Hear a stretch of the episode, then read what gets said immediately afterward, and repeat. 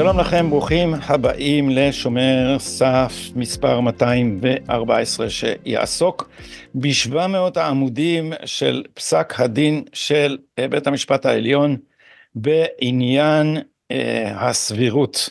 ולצורך כך זימנו, ולא בפעם הראשונה, את עורך הדין דוד פטר מפורום קהלת. דוד, בוקר טוב. בוקר טוב, שלום גדי ושלום לכל הצופים.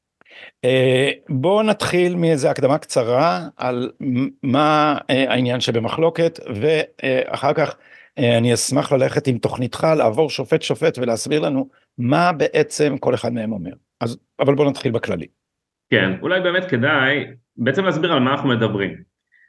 הרבה פעמים הדברים עולים לכותרות ולפעמים לא קולטים כל פרט והרבה פעמים אנשים רציונליים גם לא טורחים להיכנס לעובי הקורה בכל סוגיה והם צודקים, זה בסדר גמור.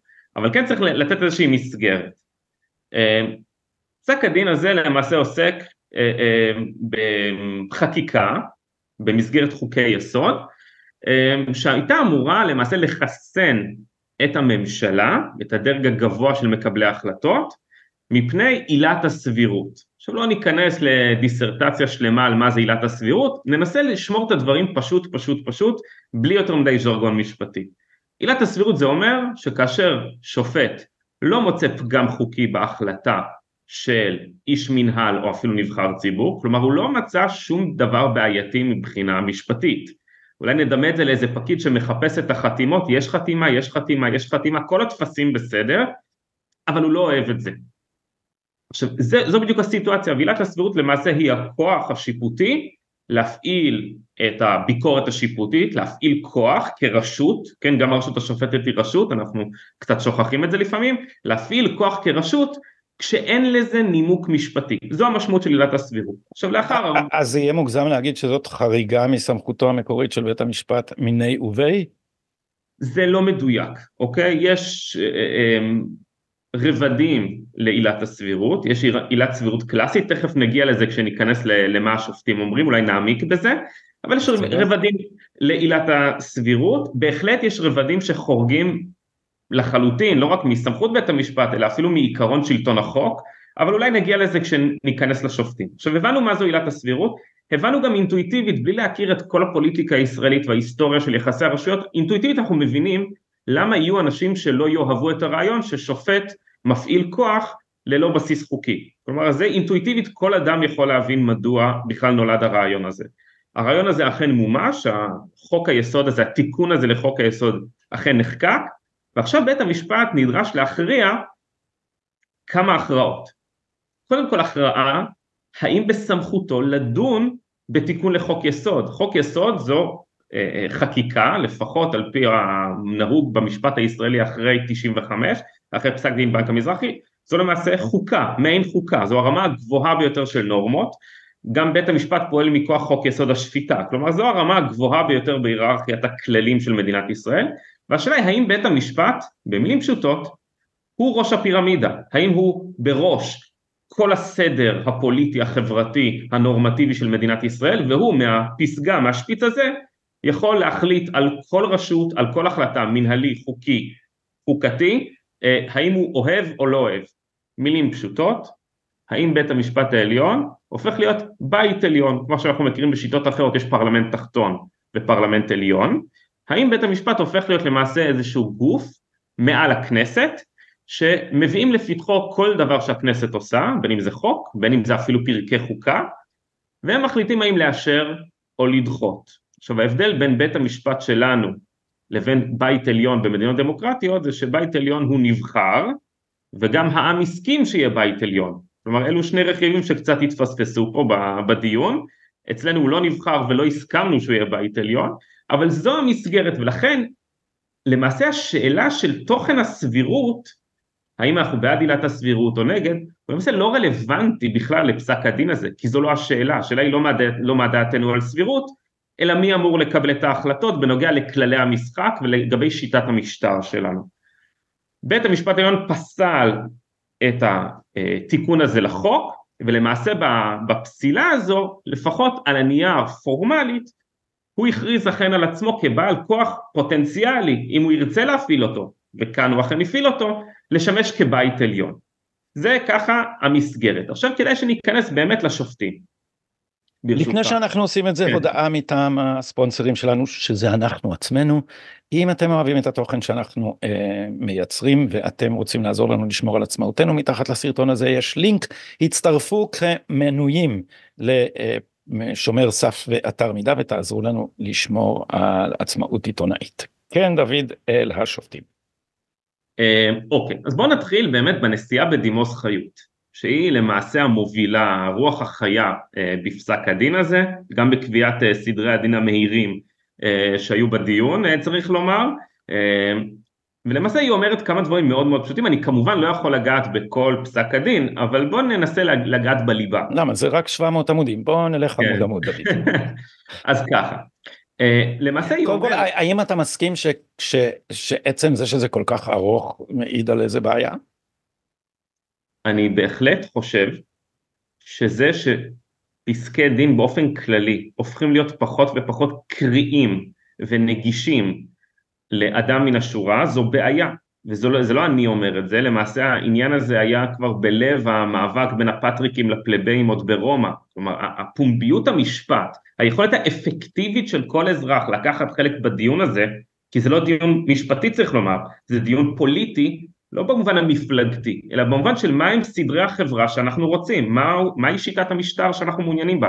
זה דיון פוליטי, זה לא דיון משפטי, וחשוב שכל אזרח יוכל לקחת בזה חלק. הז'רגון שאני אנסה, לא תמיד אני אצליח אולי, אבל אני אנסה לפשט אותו לשפה פוליטית, אמ, שוב, לא במובן המפלגתי, אמ, למובנים של כללי משחק, זה בעיניי דבר מאוד מאוד חשוב, כי כל אחד ואחת מאיתנו, כמו שאמר לדוגמה שר הביטחון גלנט רק אה, בימים האחרונים, אה, בהתבטאות שאני אישית לא אהבתי, אה, גם אישה משדרות, כל אחד ואחת מאיתנו חייבים לקחת חלק בשיח הזה. אין אדם שהוא יותר או פחות, לכולנו יש חירות פוליטית. ולכן יש בעיה בזה שזה ארוך, יש בעיה בז'רגון, ואולי נפרק את זה ונוכל להדגים מדוע בעיניי. קדימה. הנשיאה חיות אומרת שהצטברו נתונים חוקתיים, דיברנו על ז'רגון אה, שקשה להבין מה המשמעות שלו.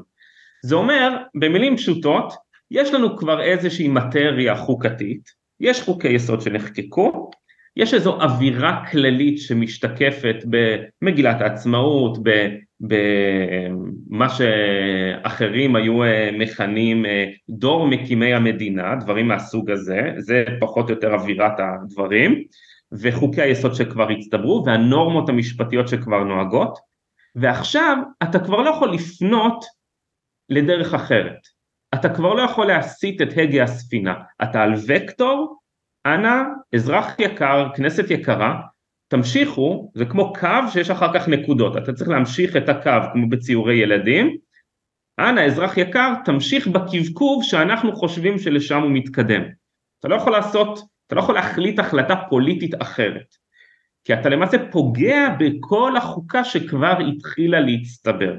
עכשיו כמובן השאלה שנשאלת היא, מי מחליט מהם הנתונים החוקתיים? מי מחליט מהו הוקטור הזה, מהו, איפה שמים את הנקודות שצריך להשלים, ומי החליט שככה נראה עיצוב חוקה? עכשיו כל השאלות הללו לא נידונות למעשה בפסק דינה של הנשיאה חיות ולא בכדי, כי אי אפשר לדון בהם כי זה למעשה יחשוף שאין שום תשתית אינטלקטואלית, אין שום תשתית לוגית לטיעון הזה. מה שהיא אומרת, למעשה במילים פשוטות, אני אוהבת את המצב הקיים, אל תשנו לי אותו, זה מה שזה אומר, כן? בואו נעשה את זה פשוט. אני אוהבת את המצב הקיים, אתם לא יכולים לשנות אותו. מדוע? כי אני מאוד אוהבת את המצב הקיים. כלומר מקור הסמכות הוא עצם אי החיבה שלה לרעיון. ואם, אה, ואם ניתן לה יותר חסד ונגיד שיש תנופה מוסכמת, יש קו מוסכם, אנחנו נגיד שהגענו להסכמה על מה המסורת החוקתית שלנו. האם אין בכל זאת בעיה בזה שאסתר חיות אומרת דורות העבר קבעו ואתם לא ריבונים במידה מספקת כדי לשנות זאת. יש לי שתי הערות על מה שאמרת. הערה ראשונה, באיזה מובן יש הסכמה אם בפני בית המשפט עומד חוק שעבר ברוב פרלמנטרי. כלומר, איך אפשר להגיד לרוב פרלמנטרי, אתם חורגים מההסכמה? כלומר, זה אבסורד מוחלט.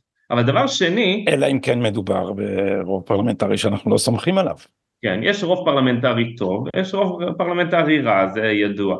אה, יש רוב אקראי ויש רוב מוצק. אה, במקרה, כשזה רוב אקראי זה תמיד כשאתה לא חלק מהרוב הזה, אני עוד לא שמעתי אדם שהוא חלק מרוב ואומר שזה רוב אקראי, זה עוד לא נתקלתי בדבר כזה. אה, אפשר גם להגיד אגב על הרוב בבית המשפט שהוא יכול להיות רוב אקראי, כן, זה גם אפשר להגיד. אבל, אבל בצורה הרבה יותר מהותית צריך לזכור שבן גוריון, בכל זאת יש לו איזה יד ורגל בעיצובה של מדינת ישראל, נכון, זה מוסכם בהסכמה רחבה. כן. דוד בן גוריון התנגד התנגדות תקיפה בכלל לביקורת שיפוטית חוקתית, כלומר הוא התנגד לרעיון שבית משפט יבטל חקיקה בכלל, אני לא מדבר על חוקי יסוד, הוא לא תפס את חוקי היסוד כבעלי מעמד חוקתי אז, אה, אבל יש גבול לכמה אתה יכול גם לשנות היום את תפיסת הציבור לגבי מה היה בעבר, אנחנו לא ב-1984, אנחנו, כל אדם יכול לגשת, לראות מה אמר בן גוריון, איך הוא תפס את הדברים, למה התכוונו אנשי, אנשים שחתמו על מגילת העצמאות, לא ניכנס פה לפולמוס השלם על מגילת העצמאות, אה, אבל הקביעה הזאת היא פשוט קביעה שהיא לא מולידה סמכות, את זה צריך להבין. נקודה נוספת שאומרת חיות לגבי גוף החוק, היא אומרת שלמעשה אה, היות שבישראל מאוד מאוד קל לשנות את חוקי היסוד, למעשה אין שום בלם אפקטיבי על הכנסת ולכן חייבת להיות סמכות לבית המשפט. עכשיו צריך להבין מדוע זה טיעון מאוד מאוד בעייתי. כלומר, קודם כל סמכות לא נולדת מזה שחייב להיות משהו כדי לעצור טעויות. כי יש פה שתי שאלות, מי קובע מה טעות? כן. יכול להיות שמישהו אחר יחשוב שזה לא טעות. דבר שני, סמכות לא נולדת מזה שחייבים. אה, יש הרבה אנשים שאני לא סומך על ההתנהלות הכלכלית שלהם. אני יודע שהם כל הזמן מגיעים לחובות למרות שהמשכורת שלהם בסדר, הם מזניחים כל מיני קנסות וכולי. האם זה אומר שאני יכול להיכנס אליהם הביתה ולהשתלט על הניהול התקציב שלהם? לא. כלומר אין, הש, הרעיון הזה שנניח אפילו שהסכמנו, כאמור אין הסכמה, אבל נניח והסכמנו שיש בעיה, זה לא מוליד סמכות. האם על בסיס אותו רציונל היינו רוצים שמועצת הרבנות הראשית תפקח על הכנסת כדי לוודא שהיא עומדת בקריטריונים של מדינה יהודית. אני אישית לא הייתי רוצה את זה, כן? אני גם בוודאי לא חושב שמועצת הרבנות הראשית יכולה להוליד לעצמה סמכות רק בגלל שהיא אומרת שזה בעיה, כי רוב אקראי יכול לפגוע ביהדותה של המדינה. אז מדוע אנחנו מסתכלים על זה אחרת כשרשות אחרת אומרת את זה? ומה אם אה, אה, המטכ"ל, כן, ישיבת האלופים והרמטכ"ל מליאת המטכ"ל תחליט שהיא צריכה להתערב בכנסת כאשר החלטות של רוב אקראי פוגעות בביטחון המדינה. האם היינו מקבלים שיטה כזו? זה אבסורד מוחלט, אבל משום מה כאשר הרשות השופטת משמיעה טיעונים מהסוג הזה, לרבים זה נשמע הגיוני. אני שמח שלרבים אחרים לא, אבל צריך להבין עניינית שהטיעון הזה הוא לא טיעון משפטי והוא טיעון בעייתי ביותר. נקודה אחרונה שאני רוצה להזכיר מחיות, זה שהיא אומרת למעשה ש... יש בעיה עם תוכן החוק עצמו שהוא פוגע בעיקרון שלטון החוק. כלומר, הניסיון של הפרלמנט לחסן את הדרג הנבחר מהחלטות שדיברנו על זה, הם למעשה בהגדרה הגדרות שהן לא על פי חוק, אלא על פי דעות, ערכים של שופטים, הניסיון למזער את התופעה הזאת ולהתקרב בכמה קליקים לנורמות מקובלות אגב בדמוקרטיות אחרות, רק להתקרב, אנחנו עוד לא שם, זו פגיעה בשלטון החוק כאשר פסק הדין עצמו הוא למעשה ללא שום סמכות חוקית ופורם לגמרי את כל הפירמידה הנורמטיבית של מדינת ישראל, כלומר את כל מה שאנחנו מכירים כמשפט. אז להשתמש בנימוק שהחוק הזה פוגע בשלטון החוק, אתה יודע, זה לעג לרש, זה ממש אה, אה, שימוש לרעה בביטויים, ככה לא משתמשים בעברית. כי מה, מה שפוגע בחוק הוא פסק הדין הזה. אני פשוט מתרגם, מחזיר נכון. לדבריך, שזה פורע את הסדר של ההיררכיה הנורמטיבית אה, של הכללים בישראל. אם בית המשפט אומר, מה שאנחנו לא אוהבים, אנחנו נפעיל עליו כוח של רשות, הרשות השופטת, זו ההגדרה המקורית למרחב ללא שלטון חוק. כי מה זה שלטון חוק? שלטון חוק זה שאני לא רוצה שהמלך יוציא אותי להורג רק כי הוא לא אוהב את הבדיחות שלי או את הקריקטורות שלי, כן? זו, זו הגדרה של אה, אה, שלטון חוק. אני לא רוצה שיפגעו בי רק בגלל שאדם, איזשהו הומו ספיאנס, אני לא בא לו טוב בעין, הוא לא אוהב אותי. אני לא רוצה שפקיד רישוי לא יוכל לתת לי רישיון רק כי אני לא מוצא חן בעיניו, או כי חיטטתי באף כשעמדתי בתור. אתה יודע שבהקשר הזה אה, עולה על הדעת, עולה על הדעת תורתו של אה, קרל שמיט, ההוגה הפוליטי הגרמני הפרו-נאצי, ואני מביא אותו פה לא בגלל הנאציזם שלו, אלא בגלל שהוא קרא תיגר על ההגדרות הרגילות שלנו, של מהי ריבונות, ואמר שריבונות היא האפשרות להשעות את החוק. זאת אומרת, נכון. מי הוא הריבון? הריבון הוא מי שאומר, מי שיכול להכריז, עכשיו אני מזיז את החוק הצידה ועושה משהו אחר, כי, אה, כי אני אה, מחליט בשם כולם. נכון, אה, קארל שמיט אמר שלמעשה הריבונות בביטוי העליון שלה זו היכולת להכריז על מצב חירום. כן. ראינו אגב משהו מהסוג הזה, פרופסור קלוד קליין, משפטן מאוד מאוד ידוע בישראל, ותיק, מבוגר, אדם עם רקורד אקדמי עשיר בתחום המשפט, בזמן ההתנתקות הוא קרא לכינונה של דיקטטורה קונסטיטוציונית. בעברית, דיקטטורה בשם החוקה כדי לטפל במתנחלים. כי אין מה לעשות, אנחנו בשעה שהמחאות האזרחיות שלהם מאיימות על המשטר, מאיימות על הסדר החברתי, ואנחנו חייבים להפעיל דיקטטורה קונסטיטוציונית, כך קרא פרופסור קלוד קליין, שאגב לאחרונה חתם גם על עצומות בזמן המחאה, אבל אה, בסדר. עצומות בתמיכה בסרבנות? נכון. זאת אומרת, אה, זאת אומרת במקרה הזה הוא לא קרא להפעיל דיקטטורה קונסטיטוציונית כן. יש, יש, אה, כן, יש דיקטטורה קונסטיטוציונית טובה, יש דיקטטורה קונסטיטוציונית רעה. כן, והם עומדים ליד הרוב הטוב והרוב הרע. כן, יש גיליוטינה שעורפת טובים, ויש גיליוטינה שעורפת רעים, זה ההיסטוריה... הגיליוטינה שעורפת טובים התקלקלה. כן, אה, עכשיו, לכן הנשיאה חיות ברור שהמסקנה שלה היא שהחוק הזה דינו להיפסל. למעשה, לב הדיון החשוב ביותר של שאלת הסמכות הוא קצת נזנח בפסק דינה של הנשיאה חיות, כי למעשה היא נתלית בפסקי דין קודמים. בעניין הזה, אני צריך לומר, הנשיאה חיות צודקת. פסק דין חסון, פסק דין שנוגע לחוק הלאום, כבר קבע, למעשה אפשר לדון כי למעשה זה לא נפסק בפסק דינה במפורש, היא אומרת זה צריך עיון והם לא פסלו את חוק הלאום ולכן מבחינה פורמלית כביכול לא נפסקה שם הלכה, אבל אם נהיה רגע פרקטיים, באמת בית המשפט העליון כבר מפלרטט תקופה ארוכה עם הרעיון של לפסול חוקי יסוד, ולכן היא אומרת, שמעו, אנחנו כבר מפלרטטים עם זה הרבה זמן, אז אה, מה זה כבר uh, עוד צעד אחד קדים? כבר uh, קראנו בפסיקותינו בהרכב מורחב, כפי שאמר עוזי פרוגלמן. בהחלט. אז זה ככה, לוי, פסק דינה של הנשיאה חיות.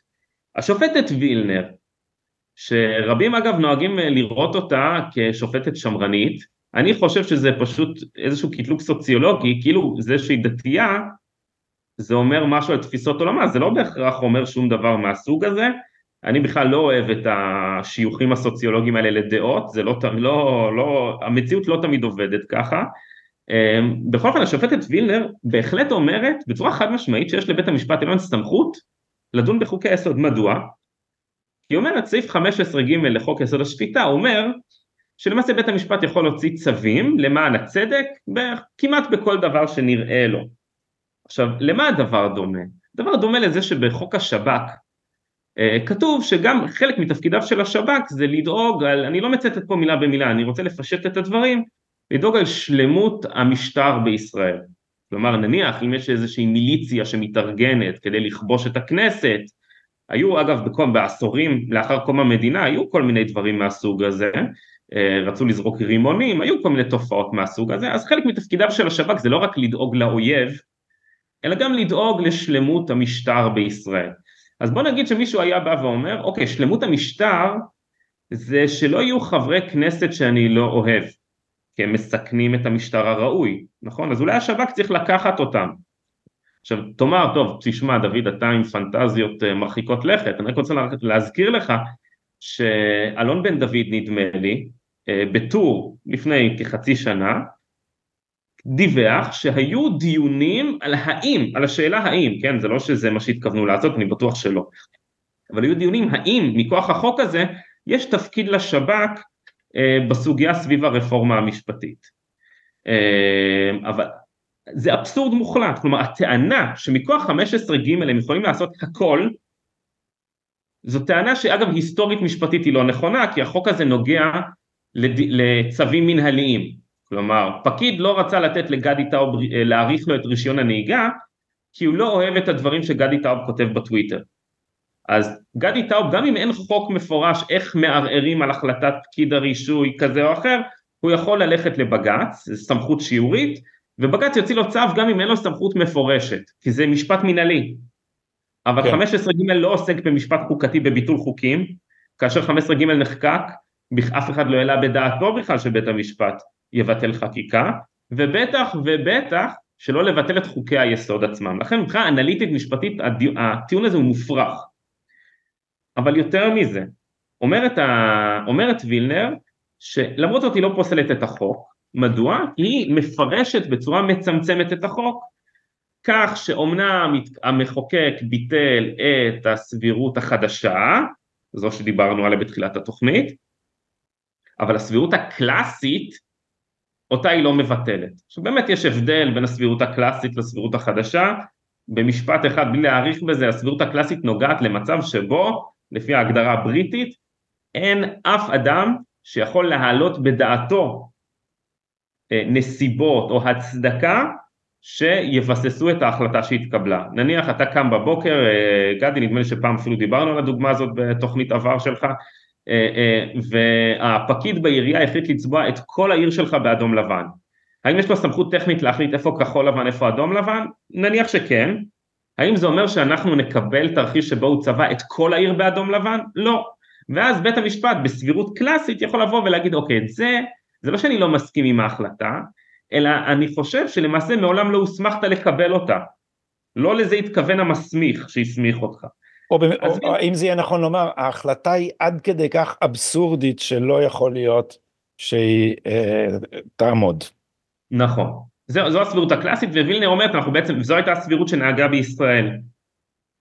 למעט חריגים כאלה ואחרים, אבל באופן כללי נהגה בישראל עד שנות ה-80, עד אהרון ברק, אה, פסק דין דפי זהב, זו הייתה הסבירות הבריטית הקלאסית שגם נהגה בישראל, אפשר אולי לכנות את זה במילה אחרת שרירותיות, החלטה שרירותית, קפריזית, ולכן יש הבדל בין זה לבין החלטה שפשוט באה ואומרת אני רוצה לדוגמה, אה, שופטת לדוגמה בתל אביב, היא רוצה לתת מעמד לזרים בישראל, פשוט כי היא חושבת שזה הדבר הנכון לעשות, בניגוד נגיד למדיניות של השרה שקד אה, דאז. אולי קרא שיר של שימבורסקה וזה נגע כן, לליבה. כן, בהחלט, זה בדיוק מה שקרה כידוע, ולכן יש הבדל בין הסבירות הקלאסית לסבירות החדשה, ווילר אומר אנחנו פשוט נפרש את החוק ככה שהתכוונו לבטל רק את הסבירות החדשה. אלא מה, החוק הוא מאוד ברור. החוק אומר שבית המשפט לא ידון בסבירות החלטה של ממשלה. אז לכן וילנר אנחנו רואים פה שתי בעיות בפסק דינה של וילנר. קודם כל היא טוענת לסמכות מ-15ג, כש-15ג אם היא שמרנית כביכול בכלל לא מדבר על זה, 15ג מדבר על החלטות מנהליות והכוח של בית המשפט להפעיל צווים בסוגיות מנהליות ואנחנו מדברים פה לא רק על חוקתי אלא על על חוקתי, תחום שהוא לא קיים בשום דמוקרטיה למעשה, אה, בטח לא בצורה שבית המשפט יוצר לעצמו, ואחר כך אנחנו, אנחנו רואים מצב שבו היא מפרשת את החוק בצורה שברור לחלוטין לא רק שהמחוקק לא התכוון, אלא שהלשון לא כוללת את הדבר הזה, הלשון לא מאפשרת את הפרשנות הזו. והיא מגיעה למסקנה שלכן, בכפוף לפרשנותה, החוק לא צריך להתבטל.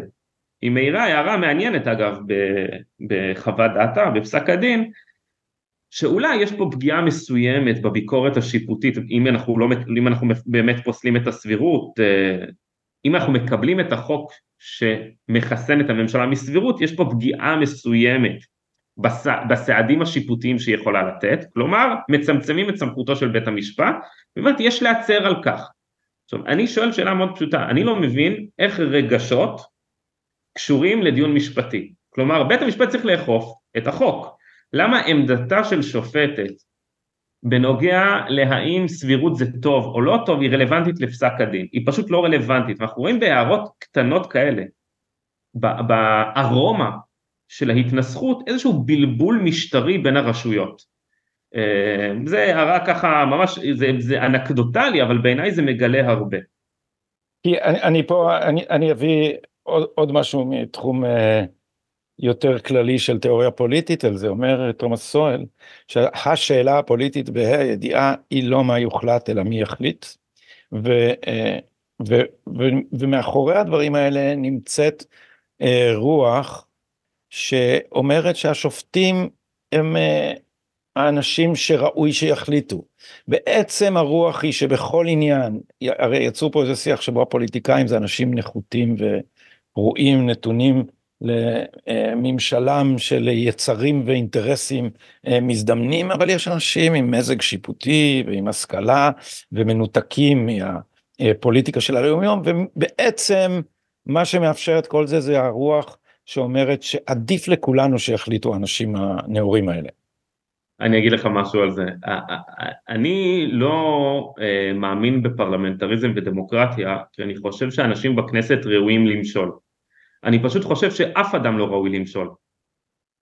אה, וברגע שאף אדם לא ראוי למשול, אנחנו כולנו כאזרחים צריכים להסכים על איזשהו מנגנון הכרעה. אני לא חושב שאסתר חיות או עוזי פוגלמן, יש בהם משהו סגולי, משהו שהופך אותם לראויים.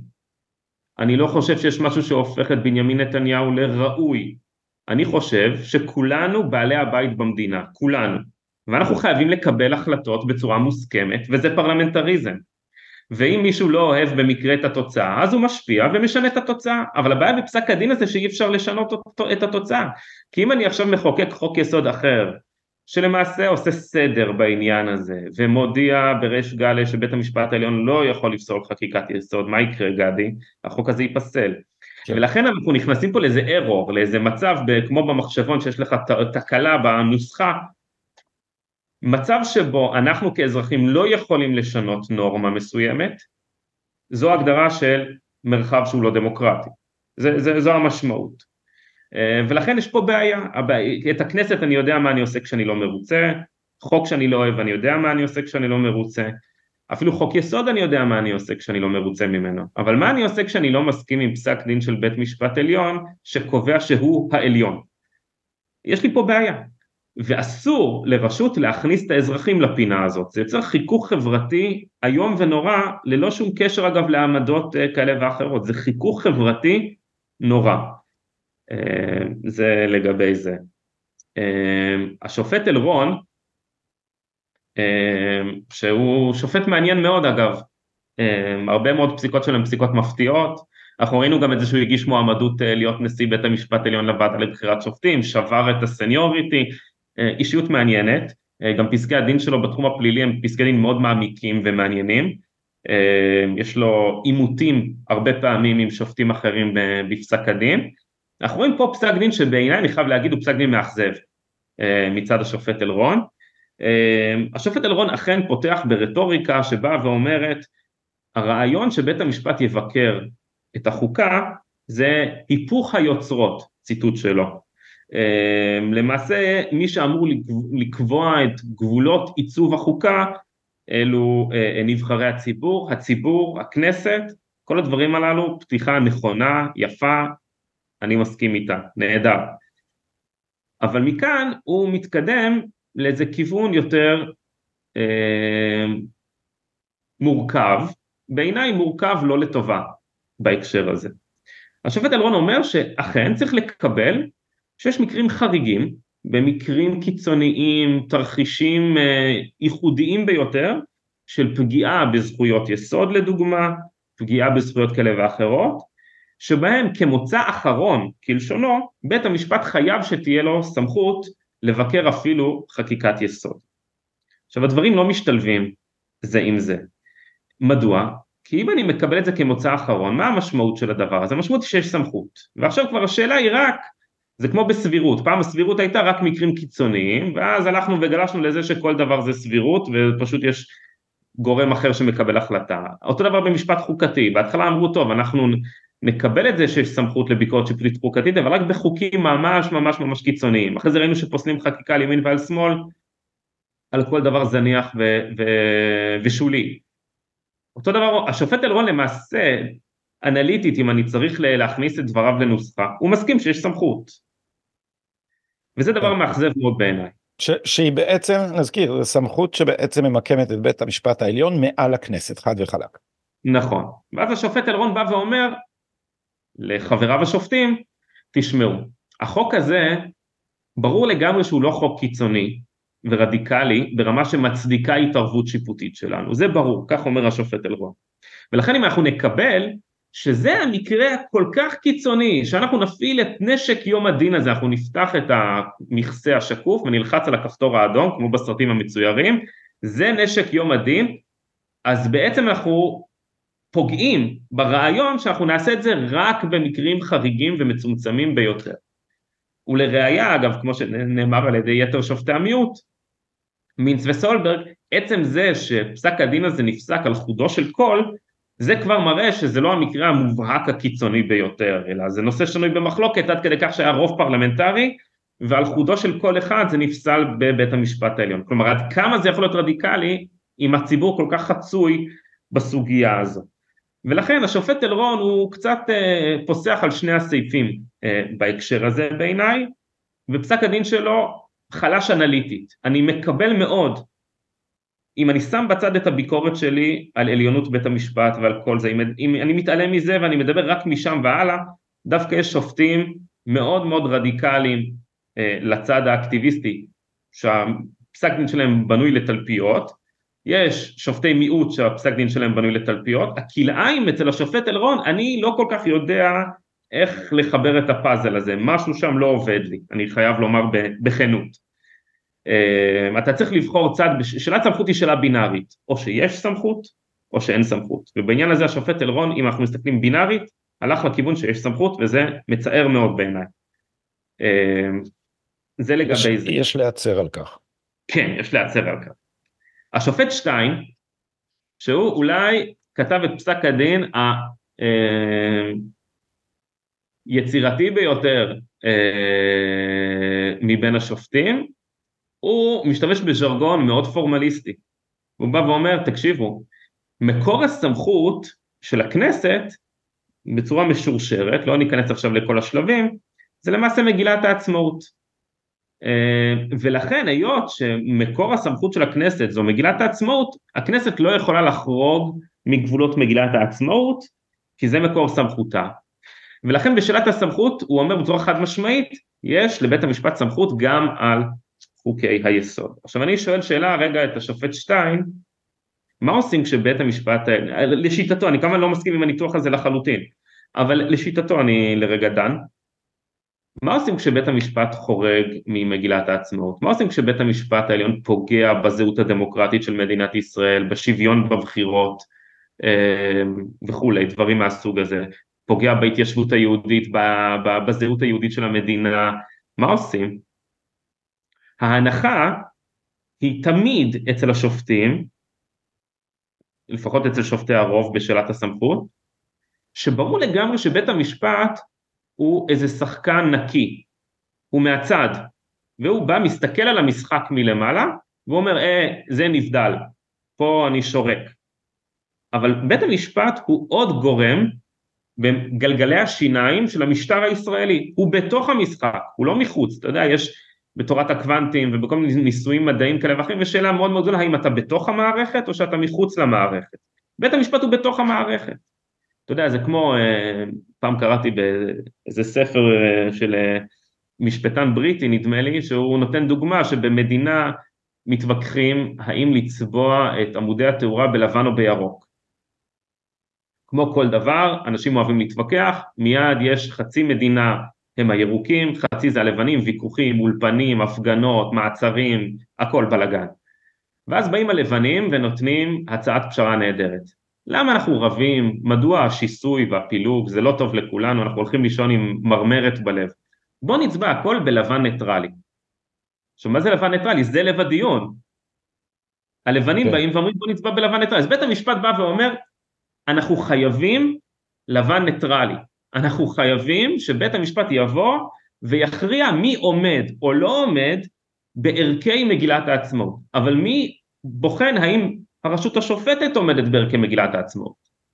זה, יש פה כשל פנימי כל כך מובהק ובוטה, וברור לגמרי אגב שאנליטית לא נוכל להיכנס פה לכל הדיון הזה, היה לנו, דיברנו על זה בעבר על מגילת העצמאות, אה, אבל ברור לגמרי שאנליטית זה לא נכון. אה, צריך גם לומר שמגילת העצמאות היא לא נחתמה על ידי אף ערבי, איזו מין דמוקרטיה זו שהנורמה העליונה שלה מעולם לא אומצה על ידי המיעוטים, אה, זה משהו משונה ביותר, חותמי מגילת העצמאות לא נבחרו דמוקרטית, וחותמי מגילת העצמאות לא העלו בדעתם שמדובר במסמך חוקתי, בן גוריון לא העלה בדעתו דבר כזה, ובית המשפט העליון בעצמו, כמו שאומר סולברג, כל נשיאי בית המשפט העליון, כולם, עד אסתר חיות, לא העלו בדעתם מצב משפטי מהסוג הזה של עליונות בית משפט על חוקי היסוד, ולא העלו בדעתם מעמד כזה למגילת העצמאות. על עניין מגילת העצמאות אצטט רק בקצרה את פרופסור אבי בראלי שכתב שהניסיון להפוך את מגילת העצמאות לחוקת על הוא לקחת את המסמך המשחרר ולהפוך אותו למסמך המשעבד. ההכרזה הזאת היא הכרזה על עצמאות העם היהודי ועל ריבונותו על גורלו ולהפוך אותו לדבר שאי אפשר לשנות פירושו לקחת את הריבונות מאיתנו וליצור מצב שבו אנחנו לא יכולים לקבוע את הכללים שעל פיהם אנחנו חיים. הערה בעיניי אה, יפה וחשובה. אהבתי מאוד, זו הגדרה מאוד מאוד קולעת ומדויקת. השופט שטיין לגוף אה, החוק, הוא אומר אני לא פוסל את זה, בעיניי זה לא מצדיק פסילה ואפשר גם אה, להתייחס לזה כמו, קצת כמו וילנר, שאפשר אה, לפרש את זה בפרשנות מצמצמת ואנחנו נראה איך זה ייושם ולכן הוא לא פוסל את החוק, אבל השאלה החשובה היא שאלת הסמכות ופה הוא באמת אה, מצטרף לצד הרדיקלי בנימוק אחר. השופט עמית, הנשיא העתידי אולי, אם ייבחר, אה, בכל אופן הוא עומד בתור אה, להיות הנשיא, אומר שהמסקנה המתבקשת מהמצב שבו הכנסת היא כל יכולה, זה שנדרשת הוספה של מנגנונים לחיזוק המשטר הדמוקרטי. כלומר השופט עמית, אה, אתה יודע, זה יש משחקי טריוויה, בארצות הברית במיוחד, שהשאלה מנוסחת כמשפט והמתמודד צריך לשאול את השאלה what is uh, כך וכך וכך, אתה מכיר את זה? אז, אז, uh, אז אם אנחנו מתייחסים לאמירה של השופט עמית, אנחנו לוקחים את המשפט כמו שהוא. המסקנה המתבקשת מהמצב המשטרי בישראל היא שצריך להוסיף מנגנונים לחיזוק המשטר הדמוקרטי. מי בחברה הוא אדם שמדבר כך? זה יכול להיות פוליטיקאי, זה יכול להיות חוקר מדעי המדינה, זה יכול להיות כל אזרח מן השורה שמעניין אותו מה קורה בחברה שהוא חי בה, אבל זה לא שופט. כן, שופט לא אמור ליזום הוספת מנגנונים משטריים, זה לא תפקידו של שופט. מישהו כאן התבלבל, כמו שניסח זאת אה, ברק, הוא מדמה את עצמו כארכיטקט של השינוי החברתי. כן, אנחנו... ברק, ברק אומר את זה בחיוב, הוא אומר זה תפקידנו כן. להיות ארכיטקטים נכון. שלה. זאת אומרת אנחנו חלוצי הקדמה. נכון, ואומר גם השופט זה, זה פשוט זה בלבול, זה בלבול מתסכל מאוד, אתה יודע, זה, זה, זה, זה, אם אנחנו מנהלים דיון משפטי, אז אני יודע מה הכלים להתווכח, אוקיי? אני יודע, אני מראה את החוק, אני מנהל איזשהו דיון על המשמעות, על ההקשר של החוק, על היישום, על הפסיקה, אני יודע לנהל דיון משפטי. אבל אם אני צריך להתווכח פוליטית עם השופט עמית, אבל הוא מחזיק פטיש, אז אני בבעיה, כי אני יכול לטעון את הטיעונים שלי, אם אני יכול לשכנע או לא לשכנע, זה לא משנה, הוא מחזיק בפטיש. אה, וזו הסיטואציה, השופט תמיד פותח במניפסט פוליטי, לא פוליטי מפלגתי, אני שב ואני חוזר לנקודה הזאת, פוליטי במובן שהוא רוצה לקבוע את סדרי החברה. וזה דבר שאנחנו לא צריכים להכיל אותו, לא צריכים לקבל אותו ולא צריכים לנרמל אותו, בעיניי. אה, השופט עמית גם נותן אה, כמה נקודות נוספות חשובות, הפסק דין שלו אגב הוא מאוד מאוד אה, תוקפני צריך לומר בהתנסחות שלו, והוא אומר, אבל אמירה מעניינת, הוא אומר שעיקר הכוח של בית המשפט הוא לא בביקורת בדיעבד על החלטות או על חקיקה, אלא מלכתחילה בשלבי הגיבוש ועיצוב של ההחלטות.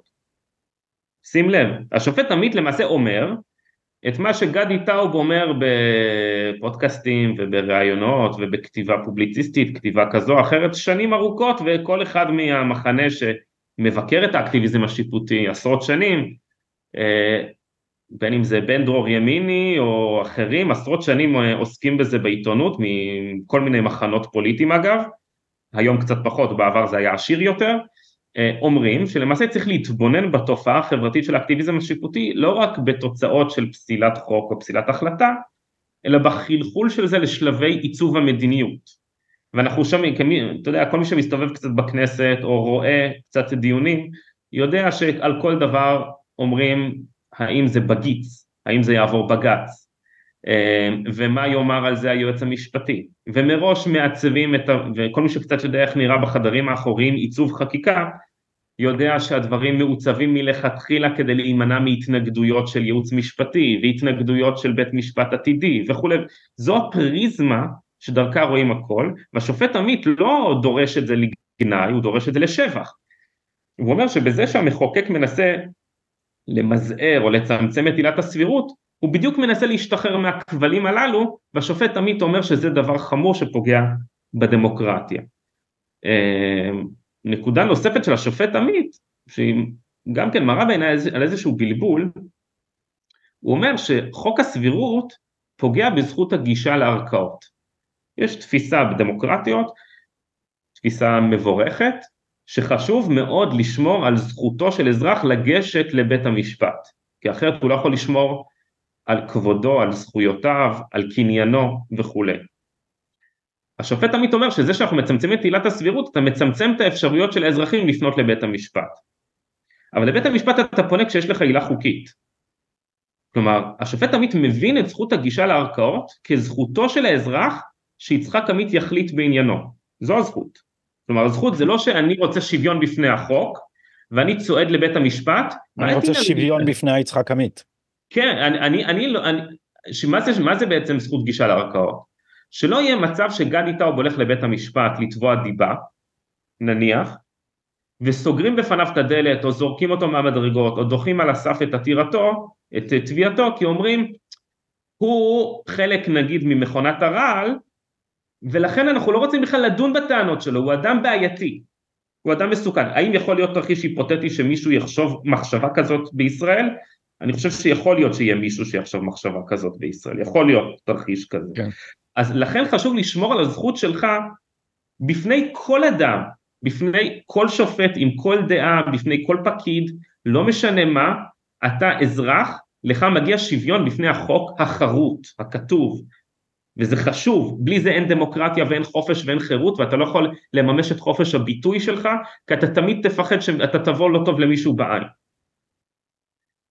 יצחק עמית אומר שלמעשה חופש הגישה, זכות הגישה לערכאות זה הזכות שלך לא לשוויון בפני החוק ולמימוש זכויותיך, אלא שבכל מצב בית המשפט העליון יחליט גם ללא קשר לחוק, בעילת הסבירות, ואם אתה מצמצם את האפשרות של שופטים להשפיע, להפעיל כוח, גם, בניג, גם ללא קשר לחוק, אפילו בניגוד לחוק, אז אתה מצמצם את הזכויות של האזרח. שים לב איזה עיוות, הזכות של האזרח היא שהשופט יחליט בעניינו. זה כמו, אתה יודע, זה כמו קרדינל בצרפת שלפני המהפכה שיגיד שהזכות של הצרפתי היא שבית בורבון יחליטו, זו, ז, הרי זו זכות, מה יותר זכות מזה שהמלך מכיסאו או הכמורה תגאל אותך באמצעות רוחב אופקיה, באמצעות עומק מחשבתה, הרי אתה לא יודע, אתה לא מבין, אתה לא, אין לך חירות פוליטית, זו הזכות, כן, זכית, זכיתי שהרב אמר לי מה לעשות, זכיתי, פש,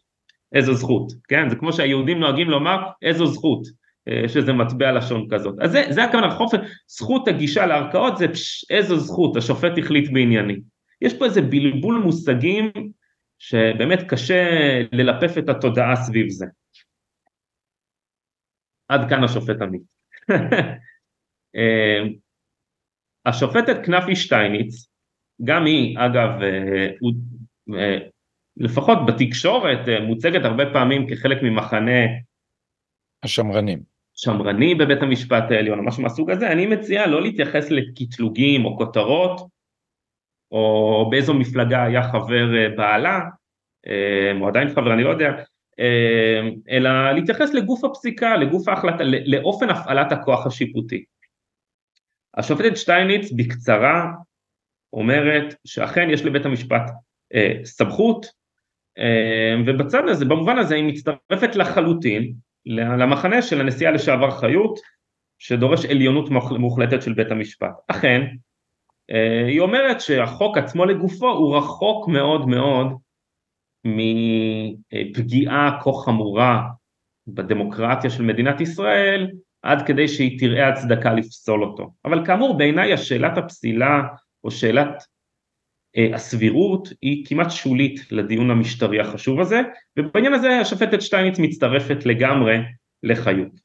ולשופט אלרון בעצם בסוג הנימוק שאומרת יש אבל כלומר היא לא נכון. אין לה את ההסתייגות שהוא מתחיל ממנה נכון, אבל נכון מאוד נכון מאוד אה, עכשיו השופטת רונן אה, גם היא יש לה פסק דין עם טון תקיף למדי היא כמובן מצטרפת לנשיאה חיות אה, וקובעת שיש לבית המשפט אה, סמכות והכנסת מוגבלת בסמכותה כרשות מכוננת והיא לא יכולה לפגוע בזהותה של ישראל כיהודית או דמוקרטית אה, בהתאם להתנסחות של הנשיאה חיות, בהתאם לפסיקה קודמת בעניין חוק הלאום, זה, זה המבנה. כלומר כל חוק יסוד בעיניהם שפוגע בזהותה של ישראל כיהודית או דמוקרטית, ייפסל. אני אגב בהערת סוגריים אני תוהה מה היה אם נניח אדם כמו, אה, לא יודע, אבי מעוז לצורך העניין, היה ממונה להיות שופט בית משפט עליון, הוא היה פוסל חוק שמסדיר אה, קשירת צינורית זרע בישראל, אוקיי? ואז הוא היה אומר אני פוסל את זה כי לפי ההלכה הדבר הזה אסור וזה פוגע בזהותה של מדינת ישראל כמדינה יהודית ואני פוסל את החוק הזה. האם כולם היו מוחאים כפיים ואומרים איזה יופי שיש לנו בית משפט שמגן על ערכי הליבה של מדינת ישראל כמדינה יהודית בהתאם לפסק דינה של הנשיאה חיות עוד בעניין הסבירות. הרי היו פה המונים ברחובות ואני ביניהם אגב, אני ביניהם. אה, אני הייתי זועם על פסק דין כזה, אבל משום מה כשהז'רגון הזה הוא עובד לטובת איזושהי אה, תפיסה פוליטית ערכית כזו או אחרת ועוטפים את זה בזה שזה שמירה על מדינת ישראל כמדינה דמוקרטית זה עובד, אבל אם מישהו אחר היה עושה את אותו דבר כדי לשמור על מדינת ישראל כמדינה יהודית זה היה מעורר זעם ובצדק. אמ, אני רק מצביע על כמה כל הז'רגון הזה הוא תחפושת, הוא עטיפה, זה כמו משטר שבו יגידו לך גדי מה הדבר החשוב ביותר בחיים? אתה יודע מה הדבר החשוב ביותר? לא לעורר את זעם האל. זה הדבר החשוב ביותר. עכשיו אנחנו לא אומרים לך מה לעשות, אנחנו רק אומרים לך שזה יעורר את זעם האל וברור שאתה לא רוצה את זה ואף אחד לא רוצה את זה. זה ז'רגון, עכשיו להגיד אנחנו לא רוצים פגיעה בדמוקרטיה, אוקיי מה אתה רוצה לפגוע בדמוקרטיה גדי? אני משער שלא, אז אנחנו מפעילים כוח כדי לדאוג שהדמוקרטיה לא תיפגע, אנחנו פשוט נגיד לך מה פוגע, מה שפוגע זה הפודקאסט שלך, מה שפוגע זה קריקטורות, מה שפוגע זה שיח שאנחנו לא אוהבים, מה שפוגע זה ערוץ 7 שנסגור אותו, מה שפוגע זה הרחקת מסתננים ממדינת ישראל, כל אלו פוגעים בדמוקרטיה, גם חוק הסבירות שמצמצם את ההשפעה שלנו זה פוגע בדמוקרטיה, ומה אתה רוצה שלא נגן על הדמוקרטיה? מי יגן? מי יגן אם לא אנחנו? זה, זה, זה הז'רגון, זה השיח, ופשוט בגלל העטיפה הזאת, הכביכול משפ... פסאודו משפטית, יש מבחנים, כן, יש מבחנים, בסך הכל בודקים האם החוק יסוד הזה פוגע בישראל כמדינה יהודית או דמוקרטית, זה הכל, זה הכל. אנחנו חייבים להשתחרר מהתחפושת הזאת ולראות את הפעלת הכוח כפי שהיא, זה, זה בעיניי הדבר החשוב ביותר. אמ, עכשיו, השופטת רונן צריך לומר, אני מסכים לגמרי עם סוף דבריה. השופטת רונן אומרת, מספיק לעשות קרקס. אי אפשר לצמצם בפרשנות את החוק הזה כך שהוא נוגע רק לסבירות החדשה, הרחבה, והוא לא נוגע לסבירות הוותיקה. היא צודקת לגמרי השופטת רונן, בהחלט אי אפשר לפרש כך את החוק, החוק אומר בית המשפט לא ידון בסבירותה של החלטה, זה מאוד פשוט, זה מאוד חד, לכן בהיבט הזה השופטת רונן הרבה יותר משכנעת שהיא כמובן, השופטת רונן היא בצד היותר אקטיביסטי, הרבה יותר משכנעת מאשר פסק דין הרבה יותר מתון בניסוחו של השופטת וילנר לדוגמה, אה, או של השופטת שטייניץ, שמנסות אה, לשכנע שאל תדאגו אפשר לפרש את החוק הזה אנחנו נסתדר איתו. אה, ולכן השופטת רונן אם אני מתעלם משאלת הסמכות שבה אני חולק עליה מכל וכול, פסק הדין שלה אני חייב להגיד הוא יותר משכנע מאשר פסקי הדין שמנסים לדלג בין העמדות. נתקדם. כן.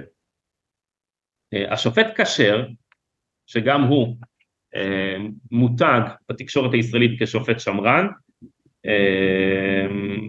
אני גם חושב שאפילו לאחר המינוי שלו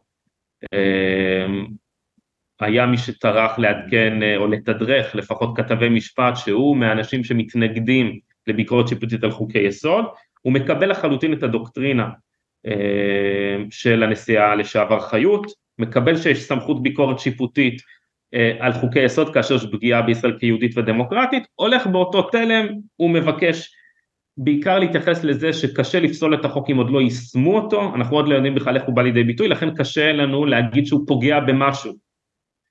בהיבט הזה השופט כשר צודק, זה באמת מדהים שמערכת המשפט הישראלית דנה בתוקפם של חוקים לפני שהם מיושמים בכלל, יש עם זה קושי, יש עם זה קושי שצריך להתייחס אליו בהיבט הרבה יותר רחב, על זה שבית המשפט העליון בכלל לא דן בראיות, הוא לא חוקר על תצהירים והוא לא ערכאה שיפוטית קלאסית במובן המוכר.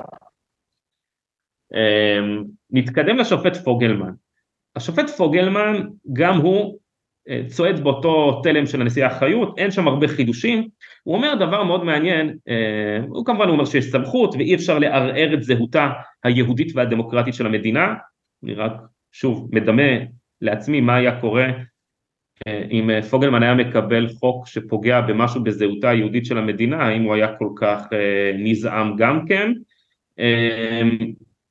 עכשיו, בוא נניח, לא, לא צריך להרחיק לכת, כן? בוא נניח שהיו מעבירים חוק לנישואים אזרחיים בישראל. אני אגב באופן אישי חושב שאין שום בעיה לעשות נישואים אזרחיים בישראל, אבל דעתי דעת שווה כדעתו של כל אזרח אחר, זה פחות חשוב מה דעתי, אני לא שופט, כן? אז הדעה שלי היא בסך הכל לא דעה. אמ, אבל בוא נניח שהיה מגיע חוק שמסדיר נישואים אזרחיים במדינת ישראל. האם השופט פוגלמן היה אומר לא לא, את חוק יסוד נישואים אזרחיים אני נאלץ בעל כורחי לפסול כי זה פוגע בזהותה היהודית שלי, של מדינת ישראל, אני נוטה לשער שלא, ולכן שוב אנחנו רואים כמה הניסוחים הללו הם פשוט, זה כסות, זה הסוואה להפעלת כוח פוליטית, זה, זה הכל. אומר אה, בנוסף פוגלמן, ללב סוגיית הסבירות, הוא אומר שביטול הסבירות יוצר מצב שבו יש דין ואין דיין, כלומר יש חובה לנהוג בסבירות, אבל בית המשפט לא יכול לאכוף את זה, לא יכול לדון בזה, אז הוא אומר יש דין ואין דיין. מה זה האמירה הזאת? איפה, הרי כל העניין עם הסבירות זה שהיא לא בדין. בדיוק, המצב הוא בדיוק הפוך, כלומר הסבירות, ההגדרה הטובה ביותר של סבירות היא אין דין, יש דיין, דיין. אין כן, דין, יש דין, דיין. יש דיין. זו, זו ההגדרה הקולעת ביותר לעילת הסבירות. עכשיו בא פוגלמן ואומר אם אתם מצמצמים את זה אתם יוצרים מצב שיש דין ואין דיין, כלומר מה אנחנו רואים פה? בדומה קצת לעמית, השופטים לא מבחינים בין החוק או בניסוח אחר בין שלטון החוק לשלטונם. כלומר שלטון החוק הוא שלטונם, החוק הוא, הוא הקביעות שלהם, זה החוק, הם לא מבחינים בין הדברים. ולכן הם אומרים אם אתה מצמצם את הסבירות, אתה בעצם מצמצם את היכולת שלי לקבל החלטות, אומר השופט, אתה יוצר מצב שאין דין ואין דיין, או יש דין, לפחות יש חובת סבירות עקרונית שאתם מסכימים עליה, אבל אתם לא מאפשרים לי לאכוף את זה. אה, יש פה בלבול מושגי, זה פשוט אנליטית לא עומד. אה, ובאמת השופט אה, פוגלמן מבקש לפסול את פסק הדין, והוא אומר שיש פה מניעה משמעותית מבית המשפט להפעיל את יכולתו לדאוג לשלטון החוק, שוב, שלטון החוק זה פשוט שימוש לרעה בביטוי הזה, דיברנו על זה. השופט פוגלמן אכן צודק בזה שהוא אומר לא ניתן לפרש בצורה מצמצמת את החוק, זה, בזה הוא צודק. לחלוטין. אה, השופט מינץ כותב פסק דין בעמדת מיעוט, פסק דין משכנע ביותר אני צריך להגיד, ללא קשר לעמדתי אני צריך לומר, נטו מקצועית יש לפסק הדין התחלה, אמצע, סוף, אתה מבין את הנימוק, אתה מבין על מה הוא נשען, אפשר לנסות לחלוק עליו, זה בסדר, אין שום בעיה, אבל צריך להבחין בין סוגי פסקי דין, יש פסקי דין שימבורסקה כאלה, כן, כמו שהשופטת אגמון גונן אוהבת לכתוב, או פסקי דין אחרים שאתה רואה שמה ש... יש שם אווירה כזו של כולנו יודעים מה טוב אז בוא נתקדם. אה, ויש פסקי דין שמנסים לבסס את עצמם משפטית. אפשר כמובן לבקר, לחלוק, להצביע על פגמים אנליטיים בהנמקה, אבל זה סוגים שונים של כתיבה משפטית. השופט מינץ מנסה לשכנע, והשופט מינץ אומר שכל ערכאה שיפוטית יכולה לפעול אך ורק בגדרי הסמכות הנתונה לה על פי דין. אין להם סמכות אלא מה שניתן להם על פי דין, הם לא פועלים מכוח אה, אה, עליון, הם פועלים כי מישהו הסמיך אותם. וכמו כל רשות אחרת, כן, זה א' ב' של, אה, של אה, תפיסה של אה, סדר מנהלי תקין, רשות לא יכולה לעשות דבר אלא אם כן הוסמכה במפורש אה, אה, בחוק. ולכן הוא אומר, לא מצאתי, הוא אומר, באף חוות דעת של יתר השופטים, נימוק ברור למקור הסמכות. והוא אומר שלבקר את התוכן של חוקי היסוד בסמכות שנולדת יש מאין, זה, אני מצטט, חותר תחת ערכי יסוד דמוקרטיים בסיסיים, ובהם עקרון הפרדת הרשויות, עקרון החוקיות ועקרון שלטון החוק.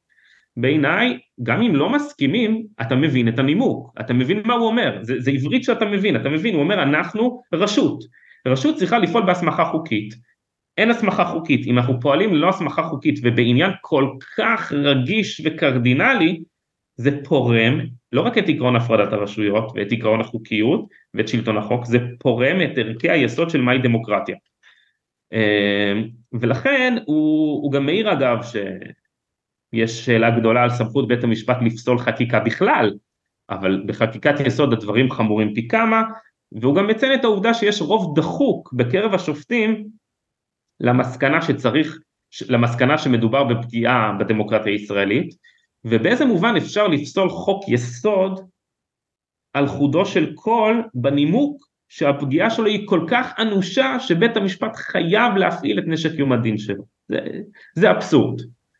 אה, אתה יודע, למה אנחנו ב, לצערי במלחמה, זה, זה, תחשוב שאתה עומד עם, אה, במחלקה של עשרה חיילים והם מתלבטים האם לפתוח באש. רואים איזו דמות ויש ויכוח האם לפתוח באש או לא. אחד אומר נדמה לי בצללים שאני רואה שהוא חמוש, השני אומר נדמה לי בצללים שהוא עם דגל לבן, אני לא יודע, אני לא יודע. ובתוך העשרה יש שישה אומרים תפתח באש גדי, וארבעה אומרים חדל חדל חדל. האם אתה מרגיש שהמצב מספיק מובהק כדי שאתה תכוון לראש? זו סיטואציה מורכבת, ומה שהשופט מינץ אומר, אתם מפעילים פה נשק שאין ממנו חזרה, כן, זה מעשה שאין ממנו חזרה, בניגוד לדוגמה שלנו, הם גם לא, זה לא שאתה בסכנה ואתה חייב לבחור, אה, כן, או שאתה מסתכן, בית המשפט לא מסתכן אם הוא לא פוסל את החוק, הוא פשוט צריך להחליט האם הוא מפעיל את נשק יום הדין ויש פה מחלוקת אדירה, הוא אומר עצם המחלוקת מעידה שזה לא מוצדק להפעיל את נשק יום הדין, גם אם אתם לא מסכימים איתי בשאלת הסמכות. אני, המינץ מנסה לשכנע, עכשיו אפשר לבקר, אפשר להגיד אה, כך או אחרת, אבל צריך קודם כל לשים לב לז'אנר של הפסיקה. יש פה ז'אנר של ניסיון שכנוע אנליטי, וזה משהו שחסר לי, אה, חסר לי מאוד בפסקי דין אחרים, גם אם אני לא מסכים עם המסקנות שלהם. בניגוד לנימוקי לא יעלה על הדעת. כן. אה, מצ... איך זה היה? מצער מה, מה אמרה? יש להצר על כך. יש להצר על כך, נכון. כן. אה, השופט כבוב נקצר בו כי הוא לא מחדש אנליטית הרבה דברים, הוא, בהחלט מצטרף אה, אה, לעמדה שיש סמכות לבית המשפט העליון, הוא משתמש בז'רגון, בז'רגון שהמטרה היא בעצם להגן על העם, כן, זה אגב זה הנימוק הקבוע למלוכה לאורך כל ימי הביניים כידוע, ימי הביניים. זה, זה הנימוק לכל דיקטטורה, מה זאת אומרת? כן, נכון, נכון. הבולשביקים הגנו על האינטרסים האובייקטיביים של הפרולטריון. ו... שמירה, אה, גדי, אתה יודע איך קוראים לזה היום? שמירה על האינטרס הציבורי. בדיוק, אה, ואבותיהם הרוחניים היה הקובינים, הוועדה לשלום הציבור, זה ברור שצריך להגן על הציבור. נכון, עכשיו הוא אומר, שוב, הוא משתמש ברטוריקה, הוא אומר הדרך הכי טובה להדגים את זה, זה שלא לא יכול להיות שהכנסת, לדוגמה, אה, תאריך את כהונתה ל-20 שנה. אה, ואנחנו לא נקבל את זה.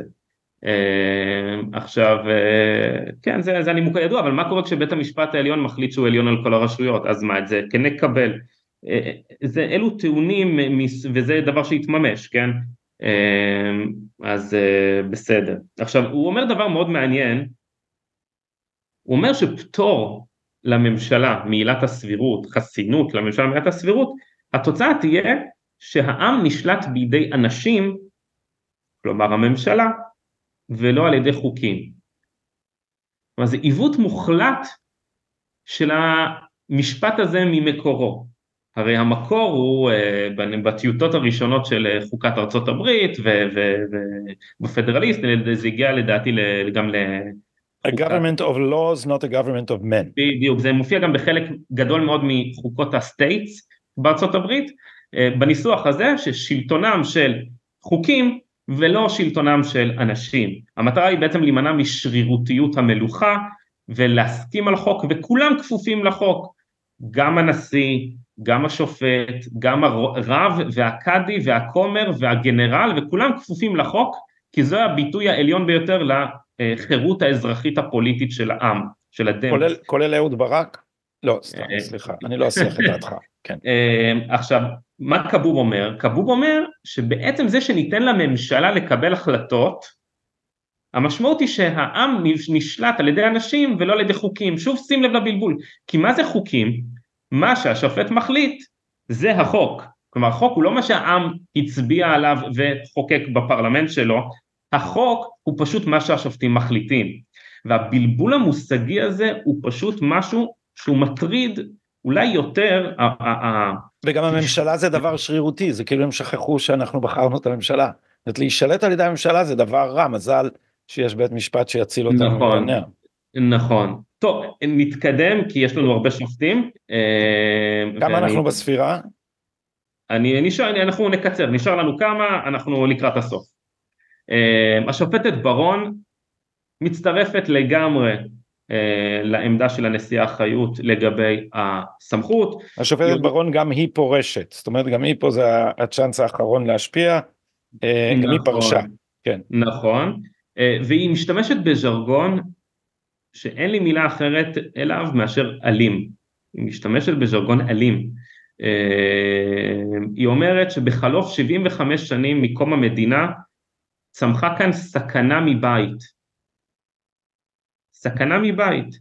היא גם משווה את זה לסכנה מן החוץ של החמאס, והיא אומרת יש כאן סכנה מחוץ ויש סכנה מבית, והסכנה מבית היא התיקון לחוק יסוד השפיטה, זו הסכנה ויש פה ניסיון להביא לשינוי משטרי יסודי, כן? לא פסק הדין הזה הוא שינוי משטרי יסודי, אלא הניסיון להגיד, שמעו, תמשיכו להפעיל את עילת הסבירות על כולם, אבל לדוגמה כשרוצים למנות שר, אז שימנו את מי שהפרלמנט רוצה, הרי הפרלמנט צריך לאשר, הכנסת צריכה לאשר מינוי שר, כן, השבעת שר.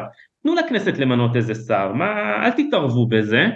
אה, אז זה שינוי משטרי יסודי, כן, אבל פסק הדין הזה הוא לא שינוי משטרי יסודי, אה, והנימה הפומפוזית גם היא מביאה איזשהו שיר אה, ידוע מהמאה ה-17, אחר כך יש על זה גם ספר של המינגווי, for uh, whom the bell tolls, אז היא אומרת לעולם אל תשלח לשאול למי צלצלו הפעמונים, לך הם מצלצלים, גם יש על זה שיר יפה של מטאליקה. אז... איפה שימבורסקה כשצריך אותה. כן, אז כלומר, היא אומרת אנחנו בשעה גורלית, כמו שמרדכי אומר לאסתר, לעת הזאת הגענו כאן למלכות, אנחנו חייבים להציל את האומה מהסכנה מבית. אה, עכשיו, אני חייב רק להעיר פה משפט, עצם הניסוח המלא פתוס הזה, הוא הדבר הרחוק ביותר ממזג שיפוטי שניתן להעלות על הדעת. עצם זה שזו החוויה של שופט וזה מה שהוא כותב, זה אומר שהוא לא כשיר להחליט בעניין לגופו. אתה לא אמור להיות בכלל מעורב רגשית ברמה הזאת. ולראות את עצמך כמושיע זה הגבול בין לראות את עצמך כמושיע ללהיות דיקטטור הוא לא קיים, זה אותו דבר. אבל יש פה, גם, גם צריכים להעיר שכל פסק הדין הזה הרי הוא כולו ניגוד עניינים אחד גדול, השופטים כולם דנים פה בסמכותם שלהם, זה דבר ברור, בלתי ברור תקין לגמרי. בעליל.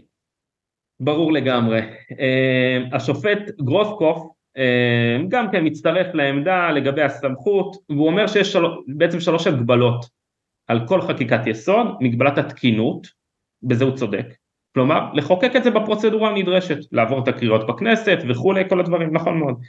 הוא אומר שיש מגבלת אמון, ככה הוא קורא לזה משום מה, הוא אומר שיש איסור להשתמש בכוח לחוקק חוקי יסוד לתכליות זרות. כן, כלומר רוב בפרלמנט חשב שהחוק הזה מצוין, אבל השופט יגיד לך שלמעשה זו תכלית זרה.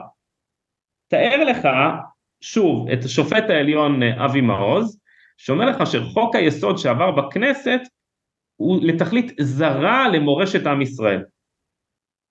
זה, זה לא יעלה על הדעת, למה אנחנו מקבלים את זה כשזה בא מדעות כאלה ולא מקבלים את זה כשזה בא מדעות כאלה. אנחנו לא רוצים מישהו שיהיה אפוטרופוס של מדינת ישראל, זה לא דבר מסובך. אנחנו רוצים שהאזרחים תהיה להם חירות דמוקרטית, חירות פוליטית, וזה הכל. ואם הם לא אוהבים את התוצאה, שישנו. אה, ונקודה נוספת, השופט גרוסקופ אומר שיש על גבי כל זה גם מגבלת סמכות, כמו שחיות אומרת, בכל מה שקשור לפגיעה בדמוקרטיה. אה, כן, אין חידושים מעבר לזה, אמ, השופטת ברק ארז, גם היא מצטרפת לעמדה שיש סמכות מלאה לבית המשפט העליון לבקר חקיקת יסוד. כן, זאת אומרת... שופטת מאוד מאוד פרוגרסיבית, אה, היא ו- ופוגלמן יחדיו פחות או יותר פירקו את חוקי ההגירה של ישראל, היא חתומה גם על פסק הדין שהפך את uh, מילת נשים לעילת פליטות בישראל, דבר לא נהוג נכון. בעולם, ועם זאת מכל מקום אני שומע שברמתה האינטלקטואלית היא, היא בכל זאת אדם רציני. נכון, אגב הספר שהיא כתבה על משפט מנהלי הוא הספר הטוב ביותר שנכתב בתחום הזה במדינת ישראל אי פעם, ספר נהדר, מבחינה מקצועית שופטת ברמה מאוד מאוד גבוהה, אין שום ספק בכך. היא מתארת מספר אה, דברים שמעוררים אצלה אה, חשש, אה, בין היתר הפגיעה בשומרי סף על ידי זה שבעצם הדרג הנבחר יוכל לפטר אותם, ואז הפיטורים הללו לא יהיו כפופים לעילת הסבירות. כלומר בואו נתרגם את זה לשפה פשוטה של כוח ופוליטיקה, ממשלה תוכל לפטר יועץ משפטי בלי הסכמת בג"ץ, וזה מדאיג מאוד בעיניה. אותי מאוד מדאיג תרחיש אחר, שבו לא ניתן לפטר יועץ משפטי לממשלה ללא הסכמת בג"ץ, אז כל אחד עם הדאגות שלו כנראה. אמ, אגב, כל הקונספציה הזאת שתפסה אחיזה בישראל של לפטר יועץ משפטי זה דבר שהוא פשוט מחוץ לאופק האפשרויות, אני מציע קצת להתעדכן בחדשות מבריטניה, זה נחמד, זה מעניין, אמ, ואחת לחודש, חודשיים, שלושה נוהגים להחליף שם יועץ משפטי לממשלה מכל מיני סכסוכים קטנים ואזוטריים כאלה ואחרים והמדינה עומדת, אמ, הפרלמנט עומד. כי היועץ יועץ הוא, הוא מסייע לשר, זה מה שהוא צריך לעשות, הוא מסייע לממשלה. זה דבר אבסורדי שהיועצים המשפטיים אצלנו הפכו לממונים על הממשלות. זה בסדר גמור שיועץ משפטי לממשלה יגיד לממשלה מה שאתם מבקשים לעשות זה לא חוקי, ואם אתם תעשו את זה אני גם אתפטר, זה בסדר גמור, אבל לא הוא מקבל את ההחלטה, או שהוא יכול להגיד אני חושב שברמת סבירות של 70-80 אחוז בית המשפט יגיד שמה שעשיתם זה לא בסדר, אבל יש 20 אחוז, אני אנסה לנהל את הסיכונים, אני אנסה לייצג אתכם, הכל בסדר, אבל משהו כאן בישראל יצא מאיזון, אה, זה שיחה לפעם אחרת, אבל מה שהיא אומרת זה שלמעשה דבר אחד כן צריך להעיר גם אנליטית על פסק הדין של השופטת ברק ארז, אמ, היא אומרת שהתוצאה של חוק הסבירות היא שיש מבנה חוקתי אה, בלתי יציב ומט לנפול, כי למעשה שולפים החוצה את הביקורת השיפוטית מהסבירות ולא שמים שום דבר במקום. אמ, קודם כל מי שמעצב את עילות הביקורת אה, זה אומנם הציבור, במשפט מנהלי זה נכון שיש הרבה מאוד עילות ביקורת יציר פסיקה, אבל למה עניינית לגמרי, גם אני חושב לשיטתה של השופטת ברק ארז, למה בלי סבירות על הדרג הנבחר כל המבנה החוקתי של ישראל מת לנפול? אני לא, לא מצליח להבין את הטיעון הזה, ואני חושב שזה זריעת תבהלה מיותרת. אה, זה, זה פשוט מאוד לא משכנע גם לגישתה של השופטת ברק ארז. השופט סולברג, גם הוא בדעת מיעוט ביחד עם מינץ, אומר דבר מאוד מאוד חמור. הוא אומר שקביעה לפיה קיימת הגבלה כלשהי על סמכותה של הרשות המכוננת, כלומר סמכותה של הכנסת לחוקק חוקי יסוד, קביעה לפיה קיימת הגבלה כלשהי על הכנסת במובן הזה, מבטלת דה פקטו את היסוד הדמוקרטי הבסיסי של ריבונות העם באמצעות נציגיו הנבחרים. שים לב כמה זה חמור, יש שופט מיעוט, ביחד עם מינץ, אבל אנחנו מדברים על סולברג כרגע, שאומר פסק הדין הזה שאנחנו מוציאים מבטל דה פקטו את היסוד הדמוקרטי של מדינת ישראל. כלומר זה לא איזה מתלהם מהטוויטר עם user אנונימי, זה לא איזה מישהו, אה, לא יודע, מהשוליים של הפובליציסטיקה. שני שופטי בית משפט עליון אומרים במפורש שפסק הדין הזה דה פקטו שומט את היסודות הדמוקרטיים של מדינת ישראל. זה דבר, זה כשלעצמו אמור להיות תמרור אזהרה אדיר לשופטי הרוב. משהו כאן מסוכן, אנחנו על התהום, משהו כאן ממש ממש אנחנו הולכים לא על הקצה, אלא שופטים אחרים אומרים אנחנו כבר כמו בסרטים המצוירים שאתה כבר, אתה כבר חצית את הצוק, אתה פשוט עוד לא מבין שנפלת. אה, וזה דבר חשוב, כי כל פעם שהם באים ואומרים, טוב, זה, אתה יודע, זה קהלת, זה גדי טאוב, זה, לא יודע, כל מיני אנשים, ומנסים לזלזל. צריך לזכור ולשים את הנקודה ולשים את המחט על הדבר הנכון, את הנעץ. שופטי מיעוט במדינת ישראל אומרים שפסק הדין הזה דה פקטו מבטל את היסוד הדמוקרטי של מדינת ישראל. וזה אמור להדאיג כל אזרח שיש מחלוקת בעניין כזה בבית המשפט העליון וזו עמדה של מחנה המיעוט, זה דבר מדאיג מאוד, זה דבר שמעיד על טלטלה משטרית אדירה ולמעשה מדינת ישראל היא כמו איזו ואזה שמתנדנדת ויש שופטי מיעוט שאומרים תיזהרו, הוואזה מתנדנדת ושופטי הרוב דוחפים את הוואזה, זה, זה מה שקורה כאן זה דבר מדאיג ביותר אזרחית, ללא קשר אפילו אם אתה בעד אקטיביזם, נגד אקטיביזם, הסיטואציה של מתח מהסוג הזה זה דבר רע מאוד לחברה. למעשה סולברג אומר את זה במפורש, הוא אומר עימות מעין זה בין הרשויות הוא דבר מדאיג ביותר, חמור ביותר, והוא אומר דבר נוסף, הוא אומר שעימות כזה כלל לא מתרחש בעולם המשפט ולא ניתן להכרעה בכלים משפטיים. זה בהחלט נכון, אנחנו לא מדברים על שאלות משפטיות, והשאלה האם יש סמכות לבית המשפט, אפילו יותר נכון להגיד, השאלה האם יש לבית המשפט סמכות להחליט האם יש לו סמכות, זו לא שאלה מתחום המשפט ואין חוק שמורה לנו מה לעשות בעניין הזה. כאן תמו 15 שופטים, ואני חושב שהדבר הברור והמובהק ביותר הוא שנעשה כאן מעשה ש...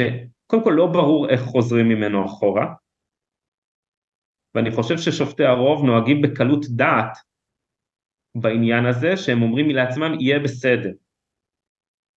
ואני חושב שלהכניס את, ה, את כל שיטת המשטר הישראלית ואת כל השיטה הדמוקרטית הישראלית לסחרור מהסוג הזה, ובזמן מלחמה צריך לומר, זה היה מעשה חסר אחריות ביותר, אני חושב שיש כמה משופטי המיעוט, לא כולם, יש כמה שהם ממש אידיאולוגים ראש בקיר, אבל אני חושב שכמה מהם מסתכלים על פסק הדין כמעין סעד זמני. כלומר, אנחנו כרגע בולמים את הפרלמנט, בולמים את הכנסת, אבל בבקשה, חלק מהם ממש אומרים את זה בפסק הדין כמעט במפורש, לכו תחוקקו חוק יסוד חקיקה בהסכמה רחבה, ובזה אנחנו לא ניגע. ואז אנחנו נחזור לתלם. אבל אנחנו כרגע הפעלנו, כמו אמרת קרל שמיט, הפעלנו מצב חירום חוקתי, הפעלנו מצב דיקטטורה קונסטיטוציונית, אבל תתאפסו על עצמכם ואז ניתן לכם. אמ, עכשיו, קודם כל, כל מי שקצת מכיר את הסוגיות ואת המשאים ומתנים שהיו, לפחות בשנה האחרונה, יודע שכמעט ולא ניתן להגיע במדינת ישראל להסכמה על חוק יסוד חקיקה, זה לא סתם שהוא לא נחקק עד היום, והשאלה האם הוא צריך לחקק, איך הוא צריך לחקק, זו שאלה לציבור ולכנסת, זו לא שאלה לבית משפט. אמ, ואני חושב שצריך להבין שלמעשה אנחנו עברנו את נקודת האל חזור. כולם מבינים לא יודע אם, לא, סליחה, אני חוזר, לא כולם, רבים מבינים שמה שהיה הוא לא יהיה. ואנחנו צריכים כחברה להחליט מה אנחנו עושים מפה והלאה, זה לא נכון למדינת ישראל האיזון הזה שנוצר שבו לרשות השופטת יש את כל הכוח.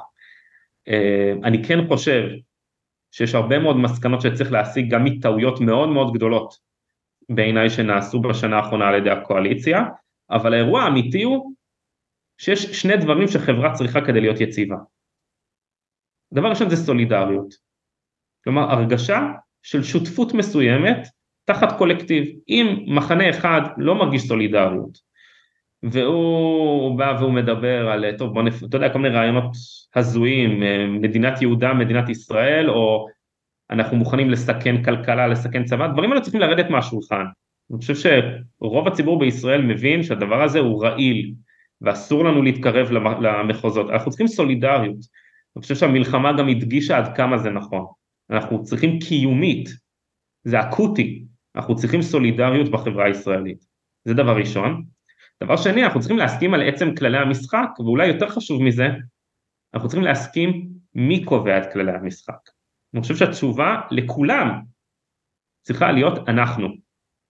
אה, ומפה והלאה אפשר להתכנס סביב שולחן דיונים. Here, here.